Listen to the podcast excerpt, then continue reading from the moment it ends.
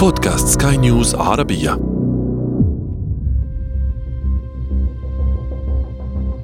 بالنسبة للكثيرين حول العالم فإن العام الجديد يحمل رقم 2021 ولكن بالنسبة لمن يسمون أنفسهم بالرجال النبلاء فرقم العام ليس هو ذاته بل هو عام 2971 وإذا ما كانت بداية العام الميلادي في الأول من يناير من كل عام فإن من يسمون أنفسهم بالرجال النبلاء يحتفلون به في يوم مختلف.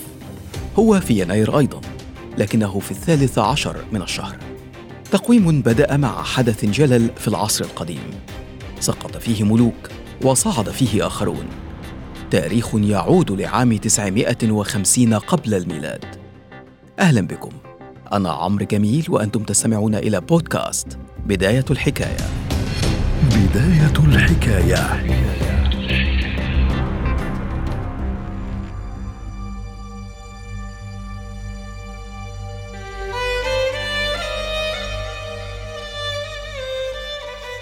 في القرن العاشر قبل الميلاد كان عصر الدولة الفرعونية الحديثة قد انتهى.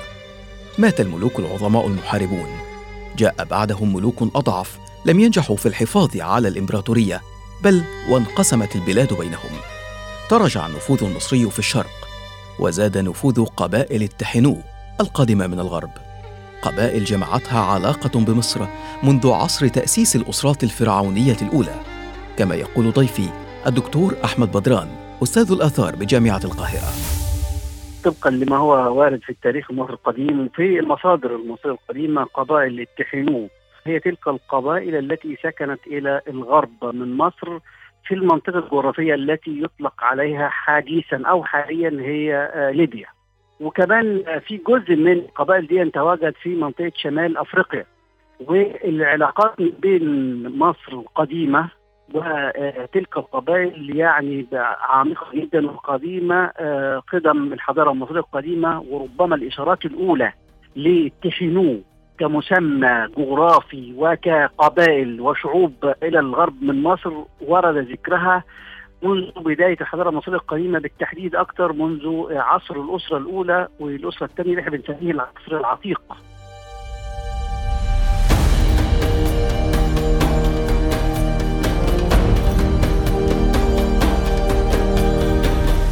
كانت العلاقة بين الدولة المصرية وقبائل الغرب دائمة التغيير بين السلمية أو المواجهة والحرب. وفي إحدى كرات الحرب تلك يروي الباحث الأمازيغي عمر الأنصاري أن فرعون مصر انتصر على تلك القبائل واستحضر أعدادا كبيرة منهم إلى مصر. كان من بين هؤلاء أسرة سيكون منها الرجل الذي سيحفر اسمه في التاريخ القديم وإلى الآن. كان هناك حرب دائما بين المصريين وجيرانهم الليبيين وأدت هذه الحرب إلى أسر الجيش المصري. الجيش الملكي المصري حينها أسر مجموعات كبيرة من الأمازيغ اللي كانوا بسبب غاراتهم الكثيرة على غرب مصر على الواحات لأن كانوا جيران وليبيا وقتها خالية من الزراعة ومن يعني أسباب الحياة. والرفاهية اللي كانت مصر تنعم بها.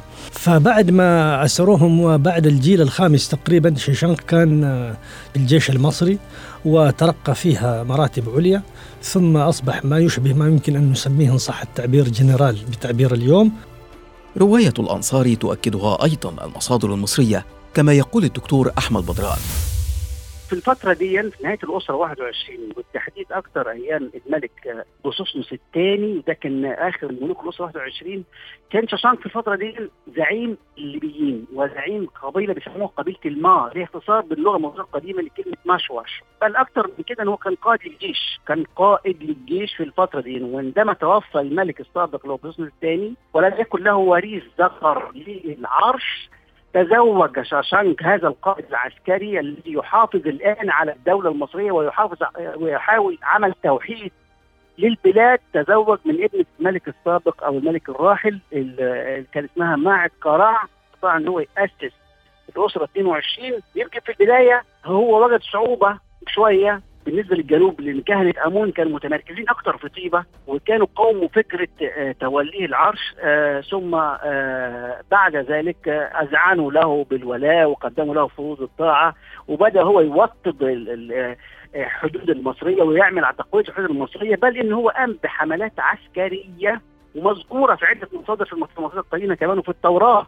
مذكور إن هو قيامه آه، في القرن العاشر قبل الميلاد آه، بالحمله الشهيره في العام الخامس من حكمه حوالي 945 تقريبا قام بحملة على مملكة يهوذا مملكة إسرائيل ورد ذكرها بالكامل في التوراة وذكر إن شاشانك ملك مصر قام بالاستيلاء على أورشليم واستولى على كنوز بيت الرب وكنوز الملك وأخذ كل شيء. دي الرواية زي ما وردت في التوراة. في سفر الملوك آه، الآية 14 و25 و26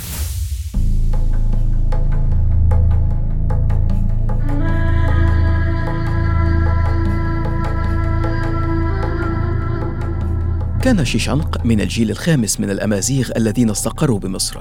يقول الباحث الأمازيغي منير ككجي إنه كان أمازيغي الأصل مصري النشأة والمواطنة. لكنه أيضا احتفظ بخصوصيته الثقافية. ظهر ذلك في لباسه وصوره المسجلة على المعابد. آه الأمازيغ تاريخيا يعني انصهروا في حضارات مختلفة.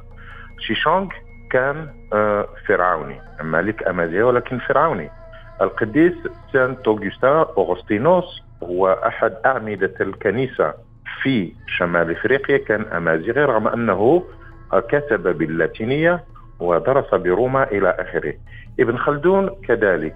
آه، ابن بطوطة كذلك. فالأمازيغي عاصر ثقافات مختلفة لعشرات بل مئات السنين. آه، الملك الأمازيغي شيشونغ مؤكد تاريخيا أنه حكم مصر واحتفالات آه، عامة المنطقة ومستمرة في الزمان إلى حدود اليوم. واتفق الأنصاري مع كيكجي في أن نجاح شيشانق في تولي حكم مصر.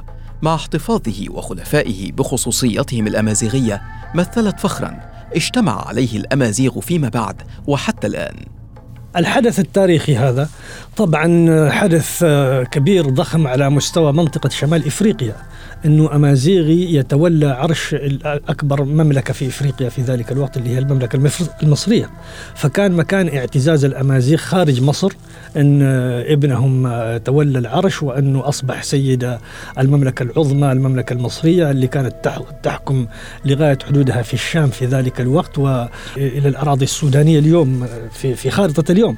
فكان يعني حق لهم أن يفخروا بهذا وأن يكون هذا التاريخ تاريخ انتصار عظيم للأمة الأمازيغية إذا صح التعبير في ذلك الوقت. طبعا هي إحنا إذا ما تجاوزنا موضوع قصة شيشنقة الأول وانتصار واللي بيحتفلوا فيه.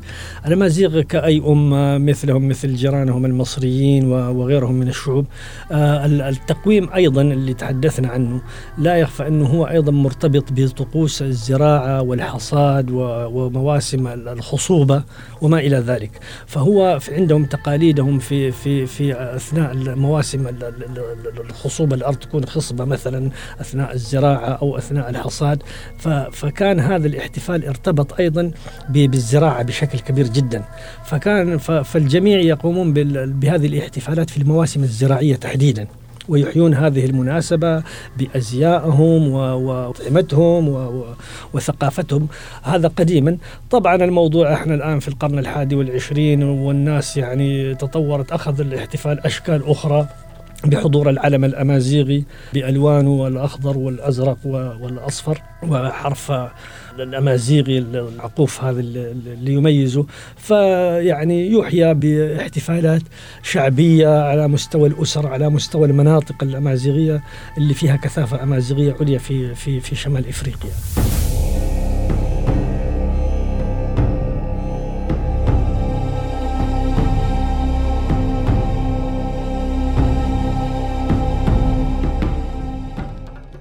كانت تلك نقطة البداية للتقويم الأمازيغي. مات بعدها شيشانخ الأول وانتهت الأسرة الثانية والعشرون. وضع التاريخ نقطة الختام على التاريخ الفرعوني بأكمله بنهاية الأسرة الثلاثين. جاء اليونان ومن بعدهم الرومان وفرضوا سيطرتهم على تلك المنطقة برمتها. أسمى الرومان كل من هو غير روماني بالبربري. لكن الأنصاري يشرح لماذا ارتبط الاسم بالأمازيغ تحديدا فيما بعد.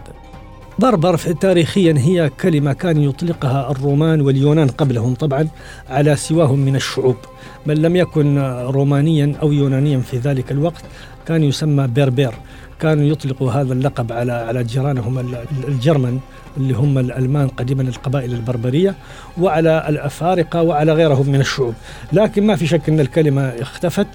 في كثير من المواطن فيما بقيت وعادت بقوة بعد دخول العرب لشمال إفريقيا فاستخدم المؤرخين والكتاب كلمة البربر بدل الأمازيغ.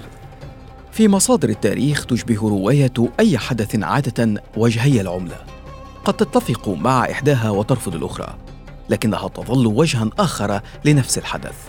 وبالنسبة لما حدث في عام 950 قبل الميلاد فلم يعد ينظر إليه كنصر محتمل حققه قائد عسكري أو تتويج لملك على عرش دولة وإنما كحدث وحد هوية شعب وبات رمزا للفخر وبداية للتقويم. بداية الحكاية.